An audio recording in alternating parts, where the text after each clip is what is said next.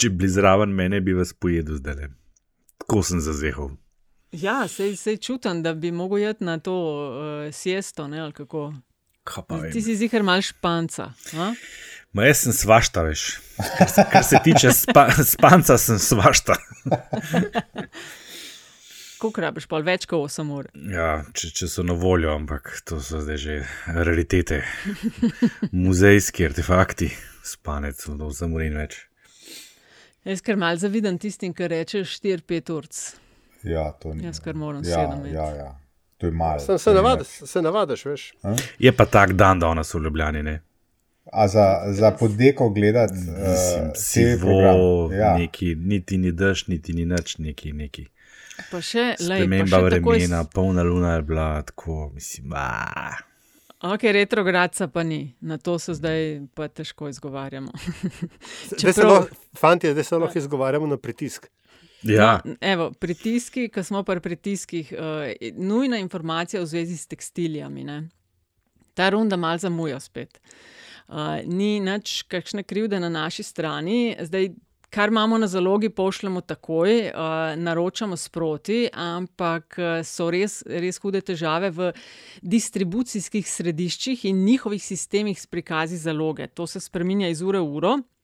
Pol imamo pa še z back order uh, težave, ker so naročeni artikli, dobava z zamikom. Tako da se res, res opravičujem, ker uh, zamujamo to rundo z dostavo in upam, da bo to čim prej rešeno. Ampak, še ne. pred naslednjo epizodo. Če, če zaradi Pomagaj moten, ja, če zaradi moten v, v eh, dobavnih verigah ječi avtomobilska industrija in trpi pomankanje polprevodnikov, čipov in ne vem še kaj, ne vem, zakaj bi bilo v tekstilni industriji kaj drugače. Tako da, drage poslušalke, dragi poslušalci, sprejmite to, prosim, z empatijo, sprejmite to z razumevanjem in dobro namerno. to, kar je rekel, da sprejmite z razumevanjem dobro namerno, se nanaša seveda na čipe in polprevodnike, ki so v naših tekstilijah, za razliko od No, cepiv. seveda, ne.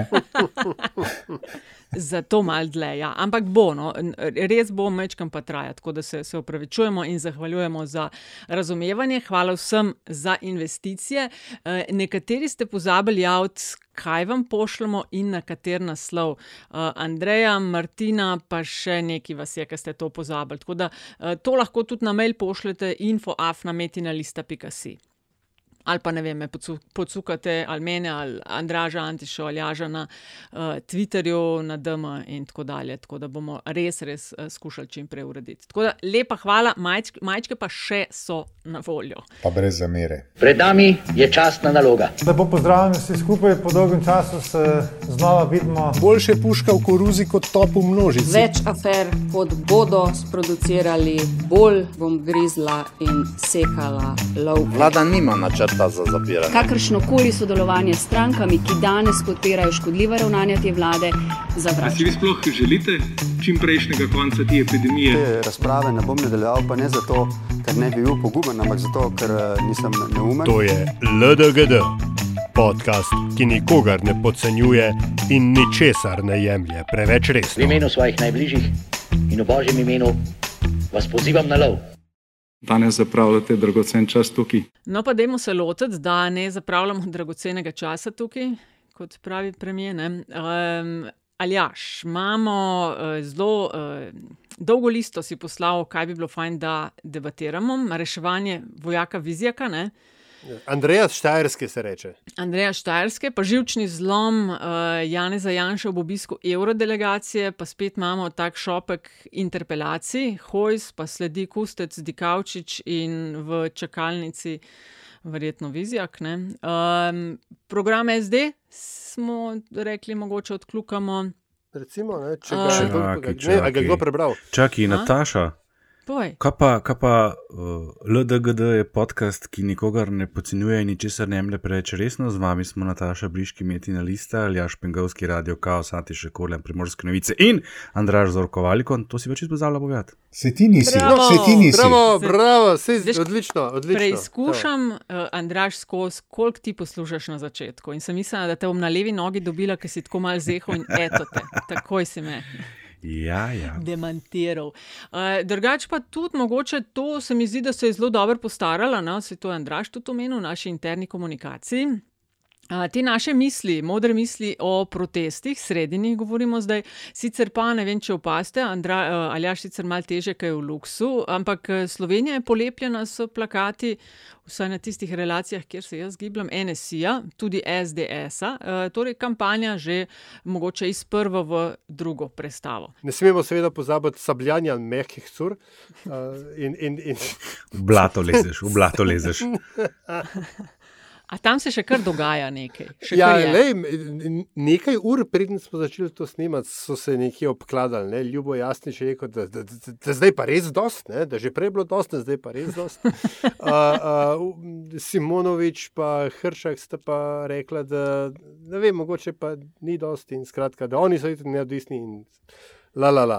Um, a, a začnemo tako, da damo tole adakta in uh, A kaj to, kar si ti že zdaj vse povedal, Lej, te cure. ob tej novici, Ja. ja. ki si ti zdaj v bistvu citiral, je bila objavljena fotografija, na kateri so kozarci pa plastenke z nalepko Desus 30 let. Prva in edina moja misel ob tej sliki in samem prispevku je bila, da bi bil počas čas, da te plastenke opremijo z nalepko Desus minus eno leto, minus dve leti in tako naprej. Ta zgodba je. A, a, so bile, a so bile te plastenke še polne? Eh, ja, seveda. pa jih lahko za sezmino ponucajo, zato sprašujem. Ja, se tudi, ja, mogoče jih imajo že pripravljene. veš, Ampak ja, to je to. Ok, to je odkljukano, mogoče čist na hiter lahko odkljukamo tudi proteste. Ne? E, Nakazval se je na kaj več, zdaj če dalje manj ljudi je na ulicah. V intervjujih se je uh, vsaj nekaj časa lider tega gibanja Stevanovič izkazal, da kaj dosti nima zapovedati. ne.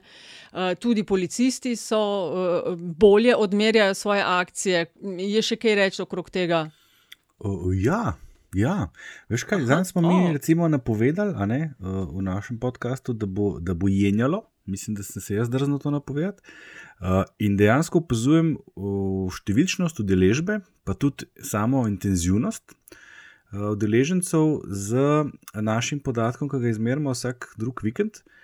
In ta tudi dejansko pada. In tako kot pada ta delež teh, ki, so, ki ocenjujejo to osebno počutje z izrazito negativnimi odgovori, da so razmere kaotične, neuzdržne, tako pada tudi udeležba. Eh, Druga stvar, ki sem jo želel tle povedati, je pa eh, ta, včeraj sem bil v enem spaceu, Twitter spaceu, zelo fajn zadeva, jaz sem čisto navdušen nad tem, eh, kjer se je razvila debata o, o, o, o, o protestih, ki je hecno v eni fazi skonvergirala v debato o karakteru Mirjana Tepeša, ki je tudi kar precej zabavno. Ampak uh, to ni point. V glavnem, uh, tam, tam, so, tam je en razlagal, je govoril s par ljudmi, da hodijo ljudje na proteste tudi sam zato, da se jim nekaj dogaja v življenju. Da ta, in to sem tudi opazil, ne, da postaja zbirališče res svakojakih ljudi. Ne. To, to, to je daleč od tega, da bi bil to samo shod privržencev Stevanoviča ali pa anticepilski shod. Tam smo že prej opažali, da so, so hipi, ne New Age uh, scene, so uh, mladi katoliki skrajni, so, so gospe, ki imajo enostavno dosti tega virusa, v smislu, da je zdaj s tem nehati, zdaj pa je dosta, da je tega pač prosim stran, jaz ne morem več tako živeti. Do anticepilcev, do, do ne vem, kaj je bilo, če je bila ena podjetnica, ki je imela neke svoje težave. Skratka, tja prihajajo ljudje eh, javno izražati svoje težave, svoje osebne probleme. Z epidemijo, ali pa tudi s čemkoli drugim, ali pa hodijo tja zato, da se nekaj dogaja, ali pa tja na pivo, namesto da bi sedeli v lokalu na pivu, in tako naprej. Tako da jaz temu že sploh ne bi več rekel, da so to neki protesti, a veš, tako, ne bi jih tako homogeno označil, ampak je bolj en tak Hyde Park postaja vse skupine.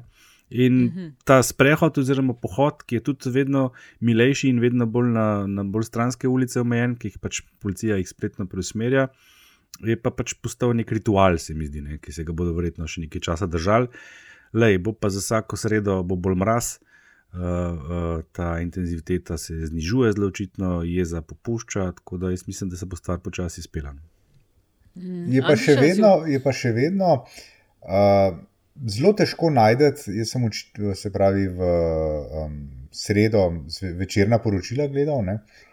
In pri najboljši volji jaz nisem mogel najti ne nogometnih navijačev, ne huliganov, ne ničesar. Ne? Tam so pač ljudje, uh, profesori, računovodje, uh, Uh, ne vem, pač ljudje, ki hodijo čez dan v službo, zvečer pa pač pridejo in povedo, da se ne strinjajo s tem, kar nam vlada v tem obdobju zdaj ne? in s tem, kar pač tisti, ki so na oblasti, počnejo. Si hodila nekaj vprašati, Nataša? Ja, veš, kaj sem hodila vprašati, ker eno stvar sem opazila, pa me je spomnilo na čas.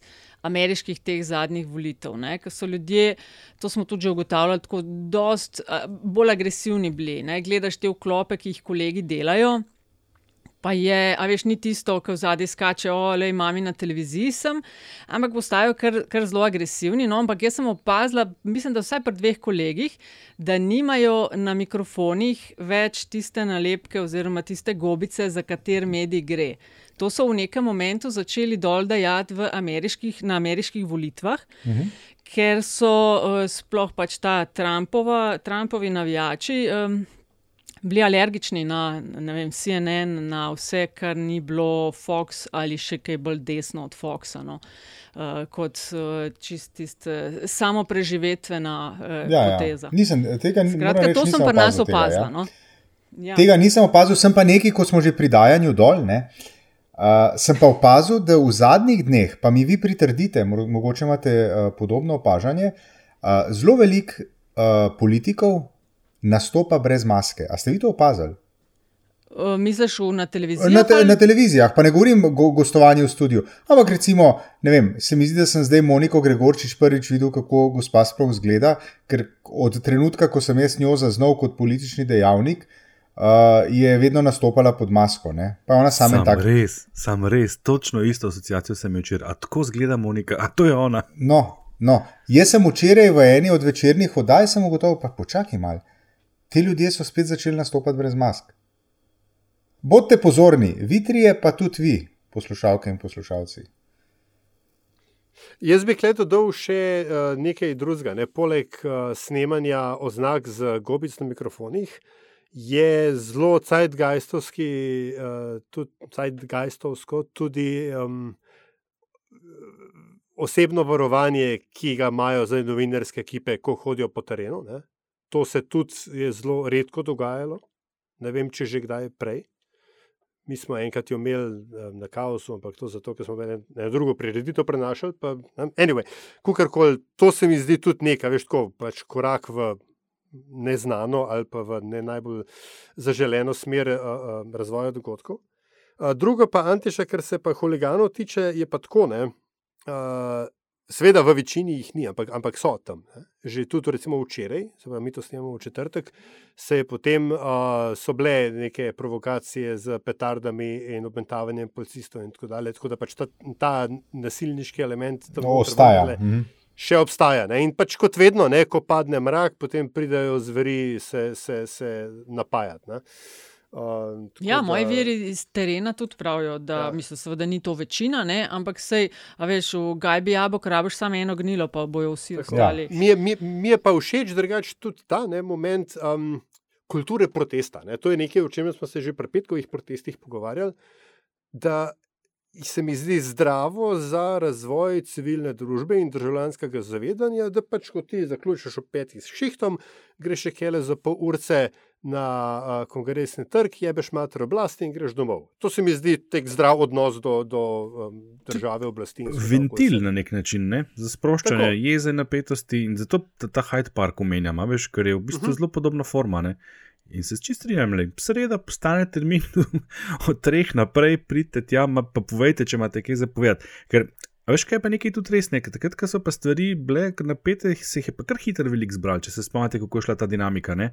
Te prvi protesti je bilo nekih 3000, ker ni bilo mlenih ograj, pa so, pa so prišli huligani tako, ne. Takrat je bil tisti efekt uh, uh, 15. september, se pravi, PCT odlog. Eh, ne moramo kupiti benzina. Zato so letele stvari po luftu. Mm. Naslednji teden je bila še ena ta jeza, ne? je bil pohod, jih je bilo 10 tisoč, pa se je pa izkazalo, da PCT ni tako hud, niti strok, kar se to vidi danes po številu okužb. In, in se je stvar umirila in zreducirala dejansko na ta, da jim pa še jaz povedal, kam je mot. Ne? Ja, ja, ja. Mislim, da je že public Facebook. Veš, kako si dobro to zaigral. Je lahko bi bil igralec uh, Andraš. Tako dobro si rekel, sem, no, no povej, kaj te moti pa mi je poštekal, da si. Ampak ja, veš, gled, veš, sreda za ene, petek za druge, tako pač fajn je. Ne? Mislim, to podpiram. Ta, recimo, tak razvoj dogodkov meni, meni ne bi motil. Reševanje vojaka Andreja Štajerske, čeprav ste brežice na Štajersko tlačete, to meni tako hecno vedno, ampak ajde. Pa je, da je odvisen, z kjer ga brega si. Ja. Tako, tako, tako je meni Ja, to perok zelo Tako je. iz, iz Iharih bomo slišali na tole. Mislim, ja, se, kaj eni se imajo za Štajerce, eni pa kaj za dolence. Ja, pa je, Posavci.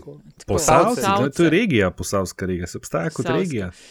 Ok, se pravi, prišlo je par dni nazaj, je 24 ur zvečer objavil posnetek, v katerem se uh, minister Vizjak pogovarja z gospodarstvenikom Petanom in svetuje um, izogibanje davkom.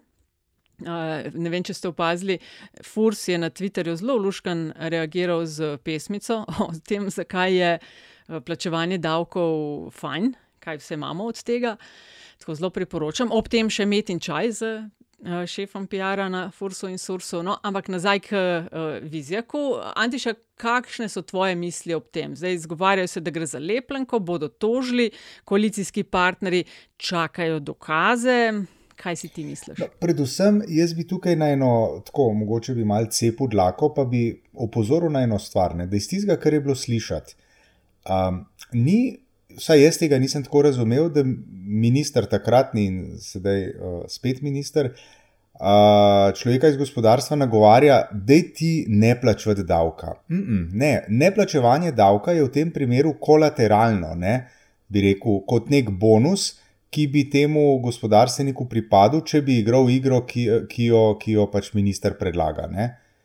Uh, a sem dosti jasno povedal. Ne. On mu je rekel, lej, ne ti pohopsa celih teram, uh, mi ti bomo pa pomagali, pa še izognil se boš plačilu enega dela davka. Ne. To je najprej, ne, tako moje razumevanje. Ne. Zdaj, kar se pa, kar se pa drugega tiče, pa pf, kaj, ne vem, mislim, ne vem, mene predvsem zanima, bi me zanimalo, zakaj ta stvar v tem trenutku ven prišla, ker seveda takoj naslednji dan so se pojavile uh, množica teorij zarot, od upoklica uh, te, uh, radijskih tehnikov oziroma tonskih tehnikov, ki so, ki so analizirali, kako je bila ta stvar narejena, do uh, ne, seveda, da gre za, kot je rekel uh, minister Vizjak, odpadkovno oziroma smetarsko mafijo. In tako naprej. Mene bi zanimalo, zakaj je v tem trenutku um, zadeva prišla ven. Ne? Kot razumem, se ne petan, ne vizijak ne spomnita, da bi ta pogovor potekal, oziroma kdaj naj bi potekal. Ne? Uh, zdaj pa ne. Kaj več od tega, pa tudi jaz težko rečem. Ne? Je pa to, je pa to gotovo v funkciji, je pa to gotovo v funkciji destabiliziranja, če ne, če ne vlade, ne, pa gotovo položaja um, okoljskega ministra. To pa gotovo. Ne? Te letnice so meni tle fascinantne. Ne? To je zelo podobno kot one fotografije o, z jaht, ne? jahte. Ja, sasvim Neki slučajno. Ne. pa 15 Dimka- let, ne, pa Dimka. še ena taka, ta pa že zelo zarotniška, ne malo zelo zarotniška. Ne. Tako ta posnetek Vizjakov kot fotografija, oziroma razširitev zgodbe na to, kako je Janša šel z družino na to jahto na počitnice. Obe novici, obe stari 15 let, sta se lansirali una z jahto v sredo ob 5 zjutraj, tale pa v torek, se pravi pred srednjimi protesti. Ampak a je važno, iz katerega časa so? Koliko važno je, odkdaj so posnetki? Mislim, važno, zanimivo je, zakaj je lik zdaj. Ne? Mislim, se veš, koliko sedijo, pa to jih en kup v, v kuvertah, ko čakajo na ne vem pravi čas. Sej, zakaj? Zato, da se jih vrže. Ne? No, ampak Mislim- seveda tukaj, tukaj se potem postavi, če, če z tega vidika razmišljaš, razmišljaš, se postavi vprašanje, zakaj je zdaj pravi čas. ne. A, jaz bi tukaj na še nekaj drugega opozoril, um, da velike vodja, premije in edini zveličavni branik resnice. Uradno o tem ni še nič rekel, nekaj je retweetal, neke teorije zarote, o lepljih in tako dalje. Ne? Ampak on svojega ministra, kot jaz vidim, ni vzel v bran. Ne eksplicitno. Kar pomeni, da je pač, mislim, jaz to interpretiram kot da je Vizek v bistvu v nekem purgatoriju. Ne? In on je, če se spomnimo, že zaradi eh, poraza ref, glede referenduma o vodi, je, je na politično bolj, bolj laboven terenu. Um, tako da, če se že igramo teorijo zarote, mene ne bi čudil, če bi to prišlo iz desne, ne iz leve, ta posnetek, ki mimo grede, ne, te teze o neautentičnosti in tako. Um, Če nimaš ti originala, ki ni kompresiran, ne, potem nikakor ne moreš ugotavljati, da je stvar uh, lažirana ali montirana ali kakorkoli, ker je pri kom kompresiji gre preveč stvari stran, da bi ti potem lahko z resno analizo ugotavljal, kaj je na tem. Ne. Tako da enostavno ni mogoče vedeti. Kot, kot, kot nekdo, ki se z zvokom ukvarja, no, mogoče bi vseeno lahko to, to dodal. No, to, to. Lepo, da si pripeljal uh, tonskega mojstra v tebi. Hvala, hvala. Um, nova črtica, nova črtica inkarnacij. ne, ampak je pa pokazal, verjetno pa ta dva oba. Mal na glavo postavljata in tole posnetki Janša Dimnik in tole dogovarjanje in pregovarjanje. Uh, kažejo mal, da iz SDS-ovega tabora o enih stvarih govorijo, druge pa v zadnji delajo. A se da iz tega sklepati, da tako zelo niso proti enim, kolikor se mogoče po izjavah. Mislim, ja, gotovo, sem mogoče Andrej Vizijak ni najboljši primer tega, zato ker se njega ta sloves ne uh, drži že nekaj časa. Um, v končni fazi ta njegova zgodba s petrolom v tem mandatu je precej škandalozna in če je ko vzameš to oboje skupaj, bi ta človek moral biti že davno bivši minister, ne? že sam zaradi teh konfliktov interesov in, in očitno. Že odkar je delnice uh, kupone. Tak, tako. Um, tako da, veš, mogoče gre tukaj za nek notrni obračun, ne? ki vsake toliko časa v SDS-u tudi butno ven. Spomnimo se tiste zgodbe z Grimsom in Tamkom, Tamkom ki pa je, da kaže, nista bila dovolj verna, ne? kaj bo to ne, dva meseca nazaj. Um, Tako da, uh, mogoče, veš, mogoče gre, bo, gre bolj za to. No? Ampak, um, no, ampak lah, lahko pa Nataša, pred volitvami. Nataša, ne ja. moramo jim odrekati konsistentnosti, zdaj, če se mal pohecamo. Komu? Uh, Vizija, oziroma SDS-ovcem, zato ker vemo, da to je stranka, ki je v nekem obdobju uveljavljala močno liberalen program, ki se seveda, za, ki se seveda uh, zauzema za čim manjše obdavčitve in uh, pač, da podjetniki živijo čim manj obremenjeno. Ne? In seveda, če pristanemo na to, da ga je v prvi vrsti, pa sem povedal, da sem do tega rezerviran, uh, nagovarjal k temu, da naj se izogne davkom, ne? potem pač to je konsistentno. Ne? A me razumete? Ne? Oni pač sprovajajo politiko lastne vlade in to je to. Sploh v tistem obdobju, to je bil prvi, to je prvi Janšov mandat, veste.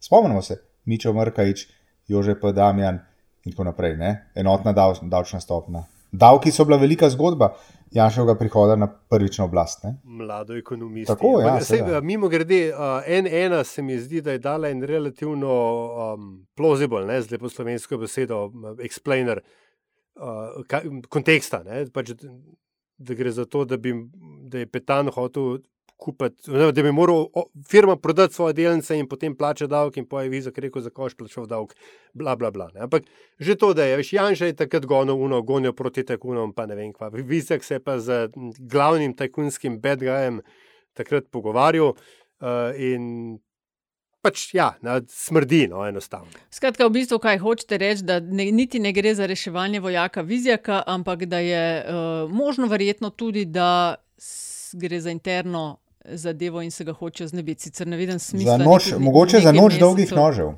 Mislim, jaz sem, če sem prav zaznal, uh, je požar tvitnil kmalo potem, da bi pa vizjak mogel odstopiti. Se, je bilo tako, ne? Ma to je, mislim, da tudi za hojsa že mal neki tako nežno talabov. Tle je bilo pa kar tako direkt, ne? Hm. To sem jaz pomislil, ja, da gre to. Ne vem, ne vem, moram reči, da ja, imam, imam dobro, dobro urejen Twitter stream, pa mogoče tega nisem zaznal. Uh, ampak, uh, glej, tako, pač, veš, spe, mi smo spet na točki, ko se mi pogovarjamo, uh, bilo bi prav, če bi odstopil. Sveda bi bilo prav, mislim, da je spisek ljudi, ki bi morali že davno odstopiti v tej vladi, je dolg in ugleden. Ne? Mislim, da zaradi sendviča so šli eni, dobro, niso bili ministri, ne, ampak.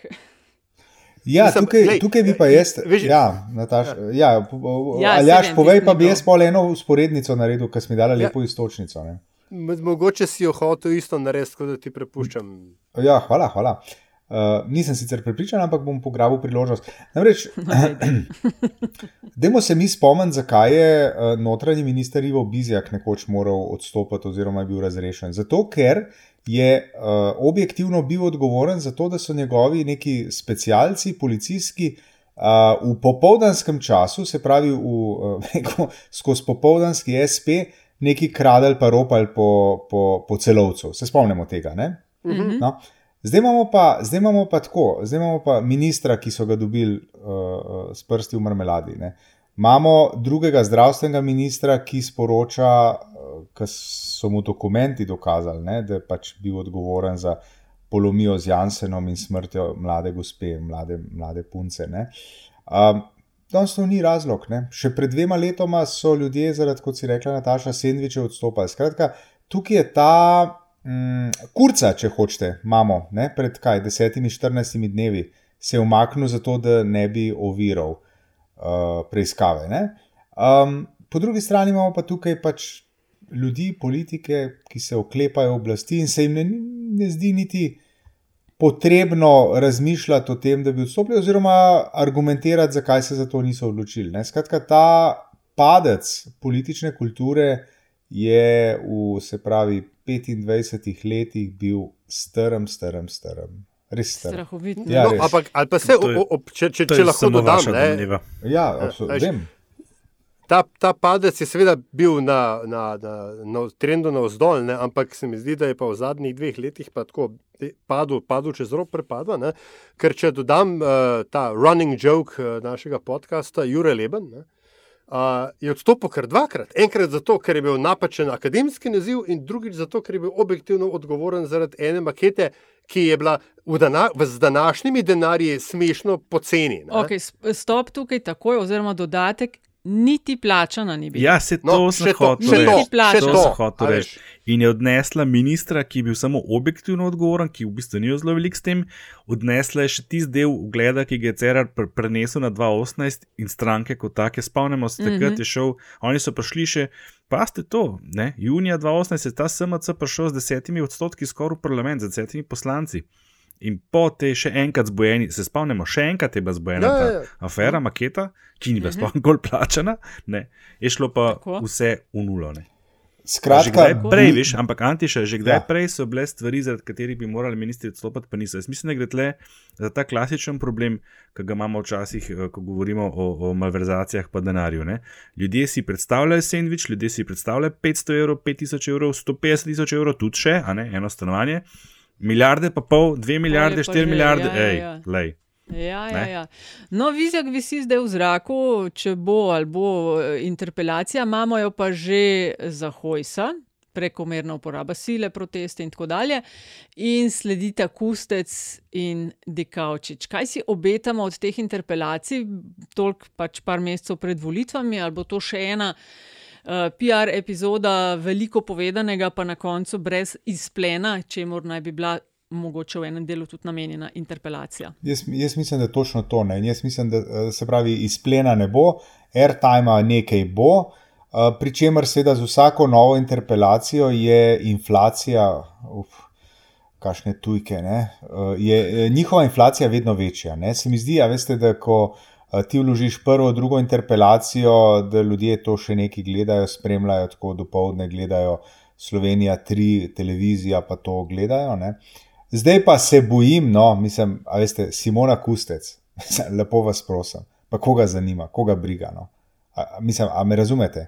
A, ja, ne, ampak hočem, hočem to reči, ne, da se mi zdi, da je to, da zdaj uh, je edini korak, ki ga. Eh, ki ga opozicija, ki ga opozicija ima, je uh, pač uh, interpeliranje. Ampak se mi zdi, da je to preveč zgoščeno. Ne? Po eni strani nas štiri lahko veseli, da so zelo zares vzeli naš nasvet iz ene od oddaj v preteklosti, ko smo rekli, da naj preštudirajo uh, uh, učbenik opozicijskega delovanja v avtorstvu SDS. Ker se, ja, SDS so bili mojstri interpeliranja in tako naprej. Ne? Ampak se mi zdi, da tukaj je pa vendarle ta zgostitev v času mečkim prevelika, še posebej spričo dejstva, da je uh, ta mandat uh, že rekel tako zelo blizu smrtne poslene. Pogovarjamo se še o treh, štirih mesecih efektivnega vladanja, vmes so dvoje počitnice, pa smo pa že tam, ko gremo na volitve.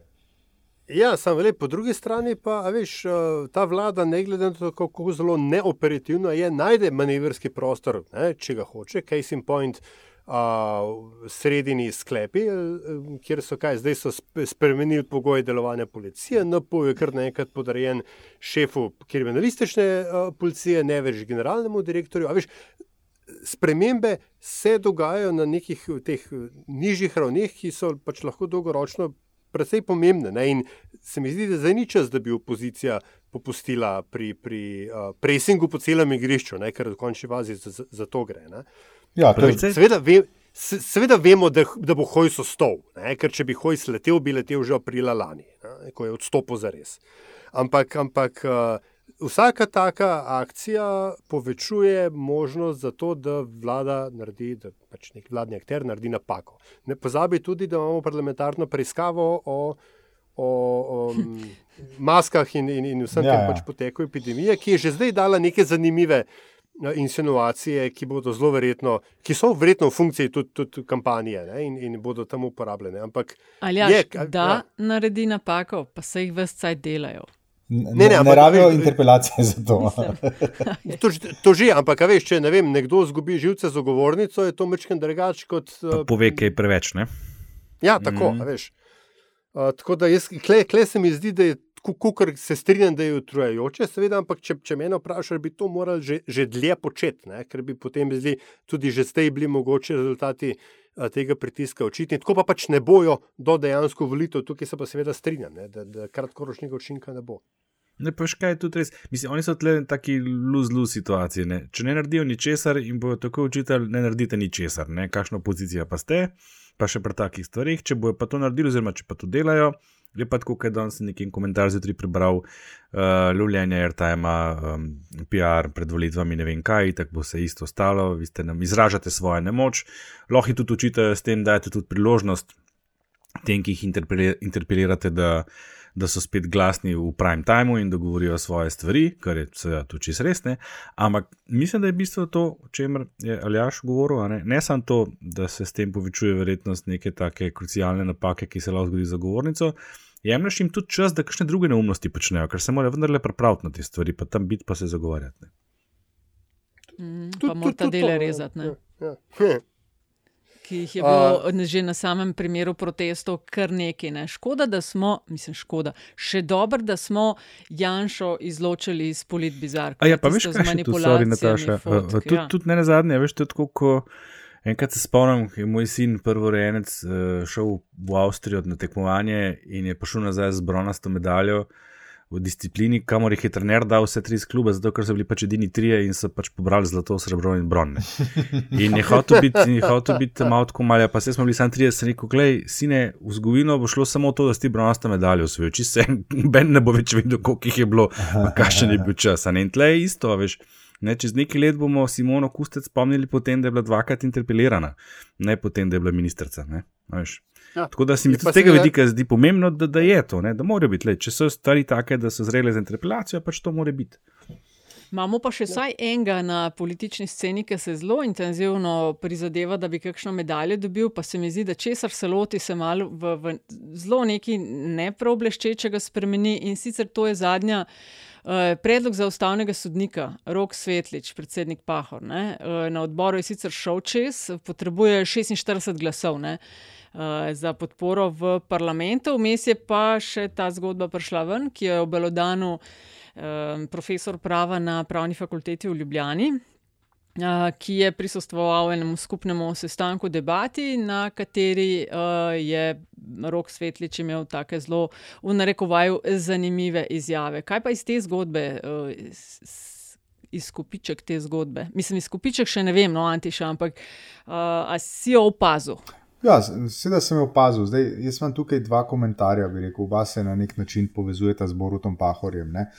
Prvo je ta, da Borut Pahor je v prvem obdobju svojega predsedovanja tako kadrovsko, se mi zdi, da so mu šle stvari razmeroma gladko. Ne. Se pravi, uh, kadrovski predlogi, ki jih je pošiljal v parlament, so šli skozi. Ne. Zdaj z ustavnim sodiščem so se mu stvari so se mu stvari zakomplicirale ne, in uh, si težko predstavljam, da bi do volitev ta stvar šla skozi. Ne. Zdaj, kar se tiče pa tega, tega manevra uh, profesora spravne fakultete, ne, imam pa jaz, sem pa mečken zadržan do tega. No. Zdaj, jaz lahko sem naiven, ne.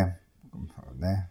Rečete mi, da sem naiven, ampak jaz si ne predstavljam, da bi nekdo, ki je del. Uh, intelektualnega establishmenta v tej družbi, ne, se pravi, nek univerzitetni profesor, raziskovalec in tako naprej, da bi res se spustil tako nizko, da bi na uh, neki javnem, na nekem javnem dogodku se zauzel za to, da uh, je treba ljudi streljati. Ne. On je uh, v minulih dneh, sem ga jaz slišal enkrat ali dvakrat.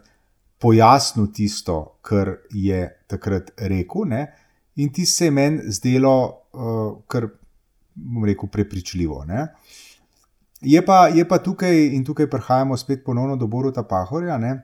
Borut Pahor je imel tam pred enimi 25 leti nek, uh, nek uh, poslanski večer v Novi Gorici, kjer je gostoval takratni predsednik republike Milan Kučan, ki je rekel, da v ne, uh, veljavo pri nas prihaja zdaj politika, uh, kako je bilo, najprej diskredita, diskreditacija potem pa likvidacija. Ne?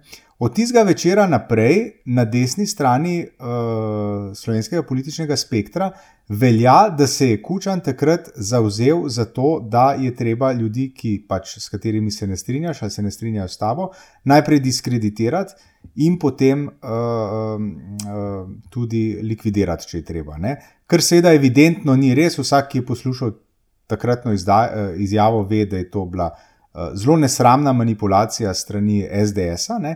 In tisto, kar mene zdaj zabava, je, seveda, ne, da se uh, reko SDS-u, oziroma desnemu polu, ne, ki pač je pripravljen svetliča podpreti, da se mu dogaja točno taka manipulacija. Kot rečeno, jaz mislim, da je to, kar je naredil profesor spravne fakultete, zelo namerno. Uh, razumevanje tega, kar je uh, kandidat za, sodišč, uh, za, za člana ustavnega sodišča rekel.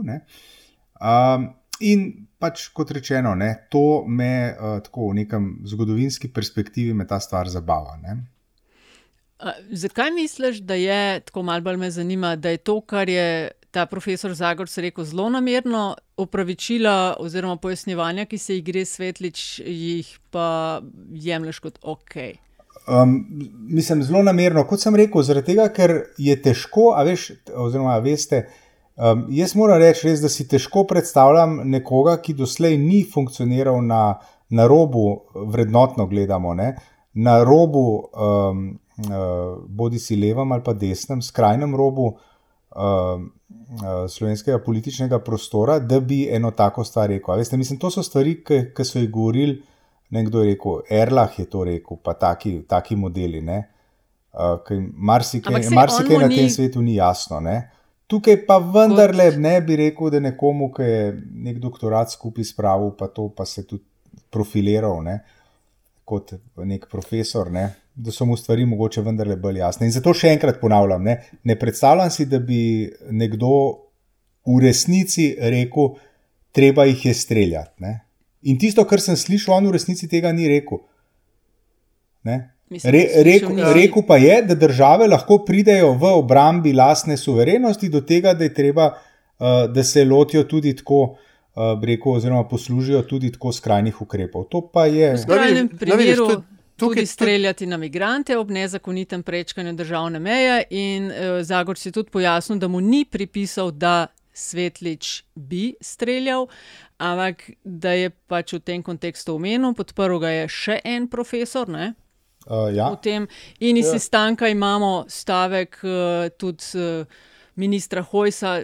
Je očitno je nekaj zelo močnega bilo, če je še Hojs rekel: čakajte, čakajte, ljudi pa ne bomo streljali.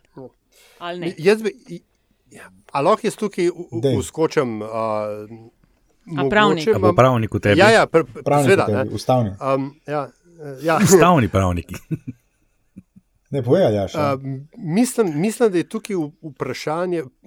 Hodil sem najprej omeniti to, kar je pač, veš, tudi Nataša rekla, da imamo nek corroboration uh, poteka dogodkov, kot da je Saša Zagorc opisal mamo. Uh, ampak to je v bistvu manj pomembno. Bolj pomembno je to, da je v najboljšem primeru, ne, ali pa najbolj benevolentni interpretaciji, gre za to, da je bil ta sestanek o konkretnem spornih členih uh, zakona o tujcih, ki ga, je, ki ga je Svetlič potem preselil na neko filozofsko raven funkcije države v odnosu do migranskih hod, ne, kjer naj bi država um, aplicirala svojo suverenost.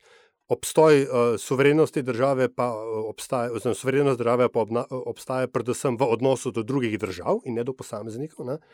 Uh, in, da si, in da je on to razumel kot um, rečem, naraven razvoj dogodkov. Veš, o, najmanj, kar je, da bom rekel zelo, zelo uh, grdo, je Svetlič tukaj razmišljal uh, tako izven diapazona slovenskega pravne, ustavno-pravnega establishmenta, da ga že to samo po sebi eh, postavlja v dvomljivo luč primernosti za, za, za, za to funkcijo. Ne.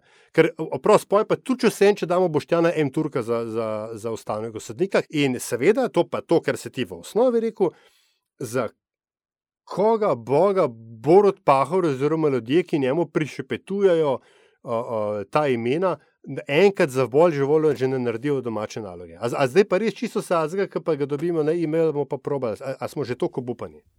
Andraš, kaj si ti misliš o tem? Jaz v bistvu priznam, da se nisem do te mere poglabljal v to. Uh, spomnim se sam, da ko sem zjutraj prebral, da je Pahor kandidiral roka Svetliča, da sem prebral roka Snežnica, Snežnica in nisem niti trzno, ker se mi zdi zelo indikativno.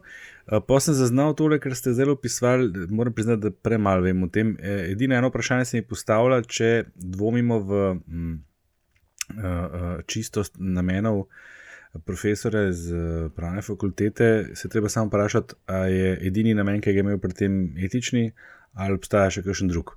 Če obstaja še kakšen drug, pa je verjetno dvom upravičen, ta dvom, ki ga, ki ga Antiša omenja. Drugače pa po mojem ne. Antiša je po dvomu, podatki. No, mislim, skiri... pol je še en, vprosti, Nataša, pol je še, še, en, še, en, še ena stvar, nekaj pa tudi že rečena, mislim pa, da se mi zdi kar pomembna, oziroma ni nepomembna. Namreč to je, ne, zakaj čakati koliko, nekaj mesecev s problematiziranjem tega, ne, do pač, uh, trenutka, ko je to najbolj oportuno, da je to javnost. Ne. Ali pa ko lahko preprečiš škodo, mislim, ko je najbolj oportuno. No. Kaj ima Zagorc od tega, ker ve, da ko se tega loti, da bo letel z vseh strani? Kaj ima ta moment on od tega, da bi bilo to za njega lahko tako zelo oportuno? Tega pa ne vem. Tega pa ne vem. Razen da pač se recimo, spotakne nekoga, podatki, ki jih... morda pripada drugmu, drugmu političnemu krogu ali pa vrednotnemu krogu, ampak to so pa res že detajli, ki pa ne vem. Ja, ne? Ja, Mislim, ja. In nočem špekulirati, ne želim špekulirati in pripisovati politične pripadnosti ne enemu, ne drugemu profesorju. Ne? Ampak mm. ne. Imam pač ta, ta, dvom, ta dvom mi pa je. No? In tle se, tle se z Antišo strinjam, vse to pa sem vendarle spremljal. Um, jaz, ki sem videl to izjavo, tudi nisem prepoznal noter v njej take interpretacije, kot je bila potem učitana. In potem pomisliš, da okay, človek ima doktorat, vendar le ne, ne more biti to po naključju, pa, pa ti ostane samo še zelo namernost. Razumem jaz, to rezoniranje. No. Ja, ja, ja, jaz to, da nekdo ima doktorat, da bi iz tega izuzela, ga, da bi bil sposoben reči, da je outrageous, tako daleč ne bi šlo. Ne? Ali pa da zaradi tega, ker je humanist, da kaj takšnega pa ne bi mogel reči. Ne? Ampak to je vse zagotavljeno. Mislim, podatki, s katerimi jaz operiram in ki mi pač neko mnenje o tej zadevi dajo, so naslednji imamo uh, pričanje tega uh, profesora Zagorca, ki ga je še en profesor podprl, na drugi strani, dobro, razen Hojsa, ki je stopil na stran Svetliča, ampak Hojsa je imel v tem pogledu resno, pri čemer je na začetku tega sestanka povedal, jaz sem politik, torej delam to, kar mi naročijo. Ne, ne, ni važna stroka, jaz sem politik.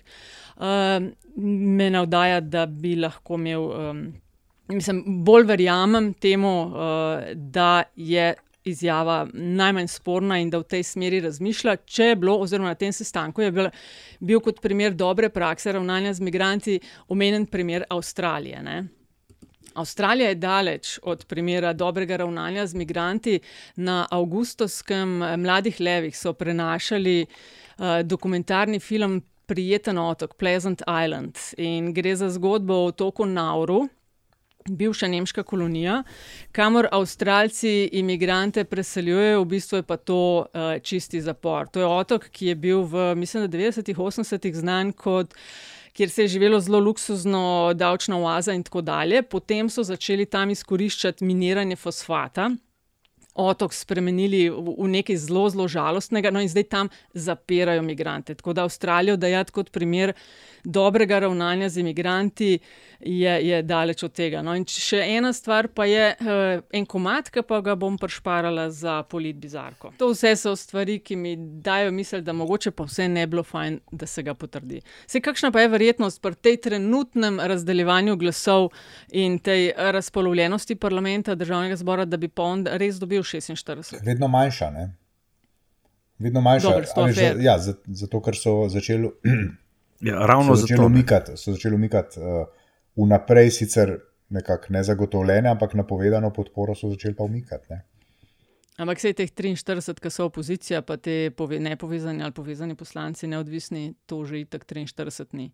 Pol pa uh, tega le od Desusa ni, uh, ki je zbolel Jurša. No, ja, ne ja, no, lej, um, lepo bi bilo, če bi predsednik Pahor in njegovi ljudje en, E, man, le, ne vem, tudi ne vem, če, ne vem, če lahko umakne, zdaj edin svetlič lahko uh, umakne soglasje ali nekaj tasga. Ampak ne za božjo voljo pahor v tem slabem letu, ki ga še ima enkrat naredi domačo nalogo.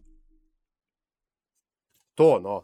Ma še dobro leto, ne slabo. Uh, ne, slabo je. Še slabo, dobro. A ja, sem, ja, oktober, november, ja, ja, eno leto. Ja, ja, ja. ja. ja. Um, ena stvar, če bi mogoče za kaj. Jaz sem lahko malo nesramen. Od tega, vikenda, bod, ne od tega vikenda naprej, na tanko, iz sobote na nedeljo, eno uro več, kot bi bilo potrebno. Ej, dajmo še čist en par stavkov o naslednji zadevi, ki se dogaja v ozadju. Ne vem, če smo v prejšnji epizodi, ko smo govorili o alternativah, kaj omenjali. In sicer skupino županov, ki se želijo na prihodnih volitvah nekaj jeti v smeri uh, pač splošnih volitev ne, in nastopa na parlamentarnih uh, volitvah. Zbirajo se, ve se še ne zelo veliko o tem, kaj se dogaja. Si pa mislim, da Andraš ti. Uh, imel podatke o tem, da, da rastejo v, zaupa, v zaupanju ja. in da so se, če sem si prav zapomnila, odlepili od ostale politike. Ja, to je bilo pa eno opažanje. Med vsemi ostalimi, jaz sem bil pri tej zadnji ogledalo Slovenije raziskave pozoren predvsem na policijo in predsednika republike, ki sta obe kot instituciji strmoglavili. Na kar zaznam tam župane, točno bravo, minus 72, mislim, da so imeli stopno zaupanja, tisto prvo ostaniško 2012 let, ko smo to prvič merili, takrat je bilo res vse pred dnu, kar je bilo vezano na politiko. Nekatere stvari se vračajo, ne ob tem opomnim, v tiste, v tiste čase, kar je zelo zanesljiv znak, da bomo počasi lahko začeli govoriti o izgubljenem desetletju. Župani pa ne, župani pa sodniki, tudi zanimivo, pa sodišča, eh, so pa vsta čas rasli in župani so se popolnoma odlepali z tega območja in so šli z minus 70 na minus 20, še vedno so v negativnem, ampak to je v bistvu za eh, poprečje oceni institucij že kar visoka ocena. Eh, predvsem je pa bistveno to, da so se res odlepili od vseh ostalih institucij, ki predstavljajo politični podsistem. Tako da župani ob vseh stvarih, ki jih počnejo zadnje čase, očitno nekaj počnejo dobro. Uh, nimajo več uh, te nalepke, da je to pa isto kot uh, politiki na splošno ali pa kot državni zbor, tako naprej. Imajo v izhodišču precej boljšo štartno pozicijo.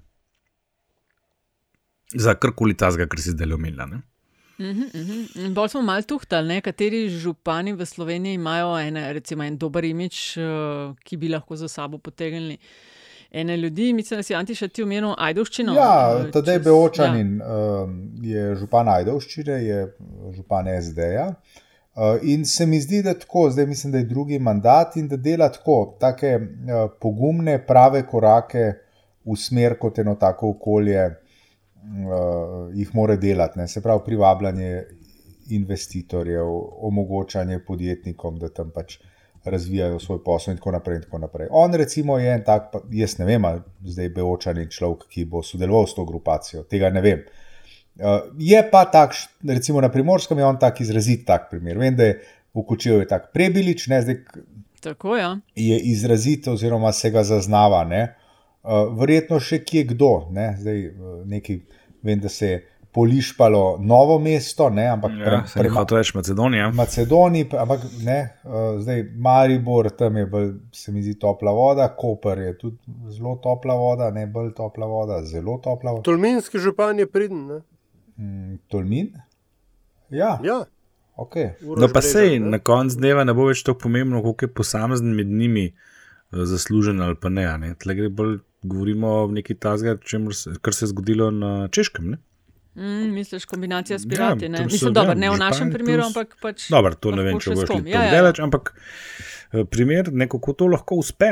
Jaz mislim, da je to zaupanje, ki je še vedno, ok, minus 20, ampak vse en, bistveno više, ne, uh, je, je čist druga pozicija za prijeti na volitve, zdaj bomo pa mi županska stranka. Ne. Kakšni bojo potegnili bolj, kakšni manj. Ne. Vse važni so samo oni, ki imajo res veliko glasov za sabo. Sam sedaj ne smemo pozabiti, da v trenutku, v trenutku, ko župan uh, je izvoljen, neha biti župan. Ne, ne pa se ni ja, treba, da, da so izvoljeni. Ampak, mislim, veš, kaj jaz kle vidim bolj problem v tem, v razdrobljenosti slovenskih občin. Ne? In dejstvo, da še tako dober župan m, težko zgenerira nek nacionalni, nacionalni profil na podlagi svojega županstva. Ne, ker, Z izjemo Zorana Jankoviča. Ne? Eh, ja, v redu. Pač metropola je malo drugačen. V tem primeru je nabor kadrov pomembno manjši. Veš, še, še Marjan Šarc ni dobil svojega profila zato, ker je kamniški župan, ampak zato, ker je Boruto Pahoru nagnal strah v kosti. Uh, tako da, lej. Um, Si skeptičen, vidim, ali imaš malo ja, ja, potencial. Mislim, mislim, da bo treba prej kaj pokazati, veš, ne, ne, ne samo imeti ful dobro idejo. Sem kaj pa prej pokazal Cerar, kaj pa prej pokazal Šarec. Ne, pa se tle govorimo uh, v bistvu o povezavi uh, ljudi, ki so na isti funkciji, vsako v svojem okolju. Ne? Ki koga dobijo, pridejo, tako malo je nationally recognized. Se si jih bojo morali, če bojo hoteli županju stati, ja, ja. da bojo kandidirali, ampak izhaja iz tega, ne, da je to na nek način, veš, to, to bi bilo bi na nek način tak uh, mal anti-establishment sentiment tudi, ne. Ne, kako uh, centrala, pa Ljubljana, pa vse tam tako ne vem, bla, bla, bla, ne. Mi, -hmm. župani, pa bomo tako drugačni. Imamo interesno stranko, ne, ki bo skrbela za to, da država ne bo odtegovala sredstev občinam ali pa da jih ne bo uh, hotla združiti ali pa da jih ne bo ne preprečevala, ne vem kaj, vse. Ne? Veš, mislim, cej... pa, nismo mi ena take se... stranke že enkrat imeli. SLS, misliš? Ne, ne, ne, tudi nekaj od tega, kot, kot ta gas od koščice.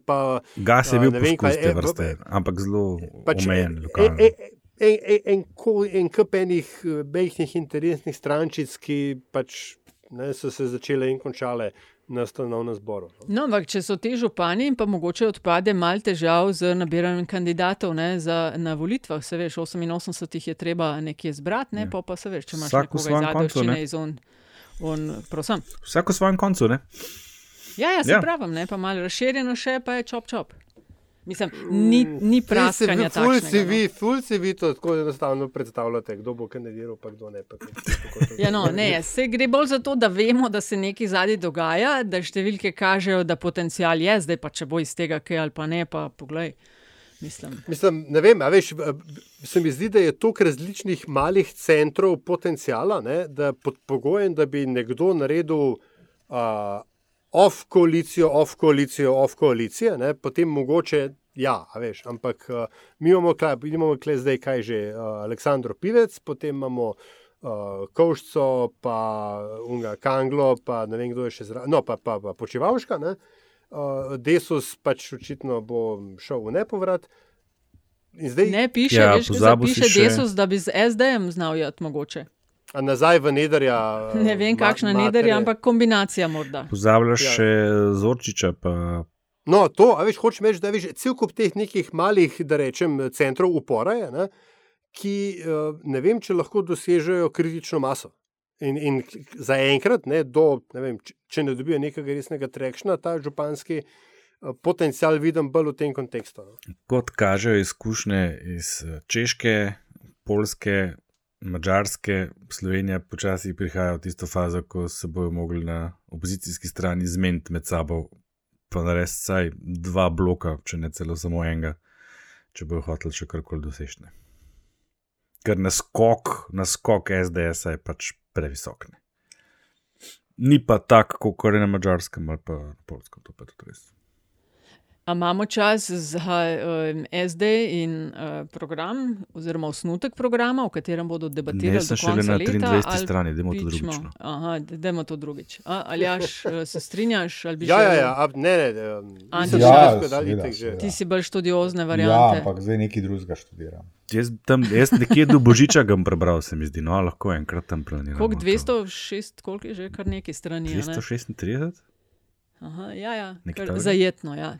Um, ja, nač, pa, pa gremo k politbizarki. Ne? To je rubrika v podkastu LDGD, v kateri skušamo osvetliti ali pa na plano zbrcati, zbezati uh, takšne malce bolj um, čudne, bizarne polit stvari.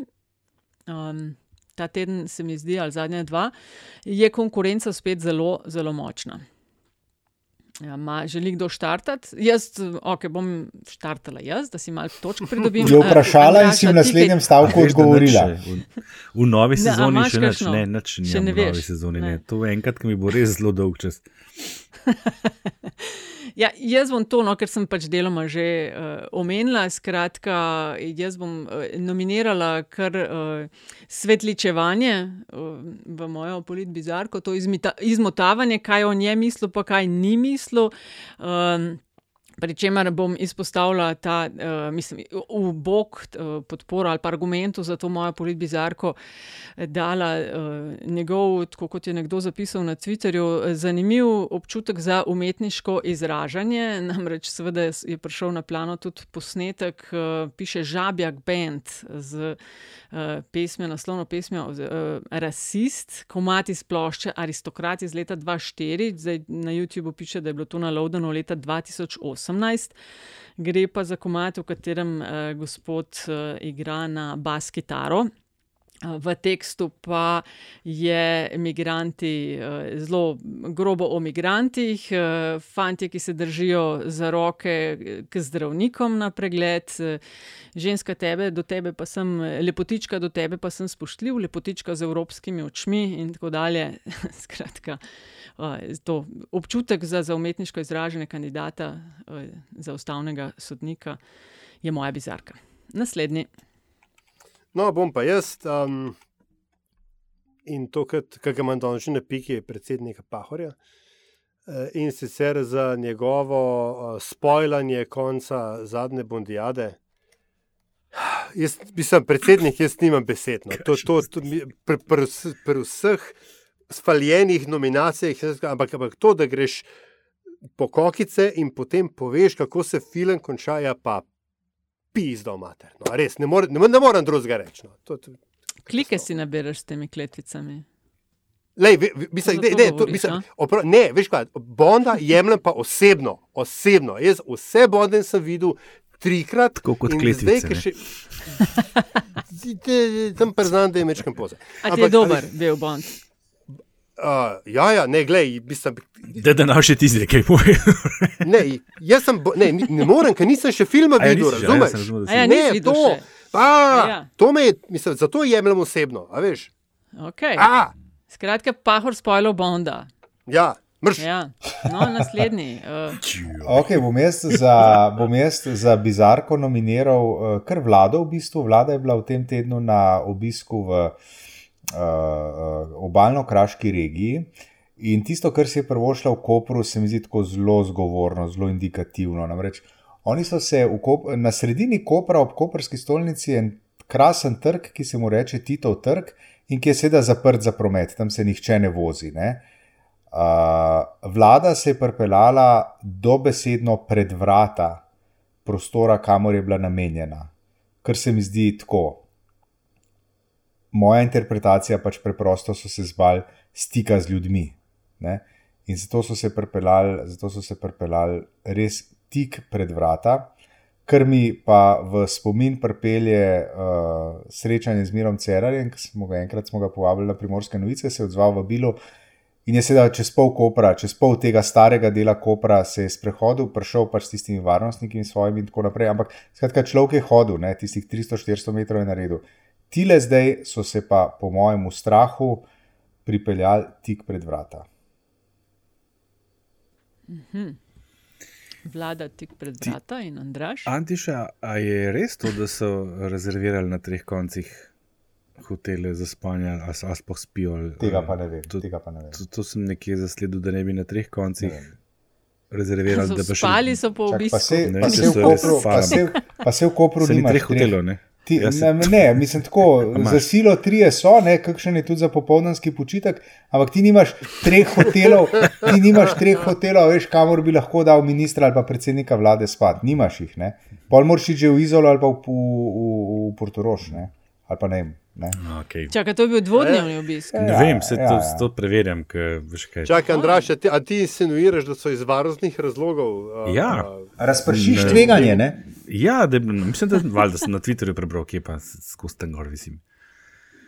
Da je, da je nekdo objavil, da je ampak tako, tako kredibilen vir je bil, sam le, jaz nimam časa vsake stvari posebej preverjati, tako da se ne spuščam pa v, niti v komentiranje, niti v preverjanje. No, ja, se sem, sem mislil, da veš. V glavnem, uh, moja bizarka je pa kampanja NSI.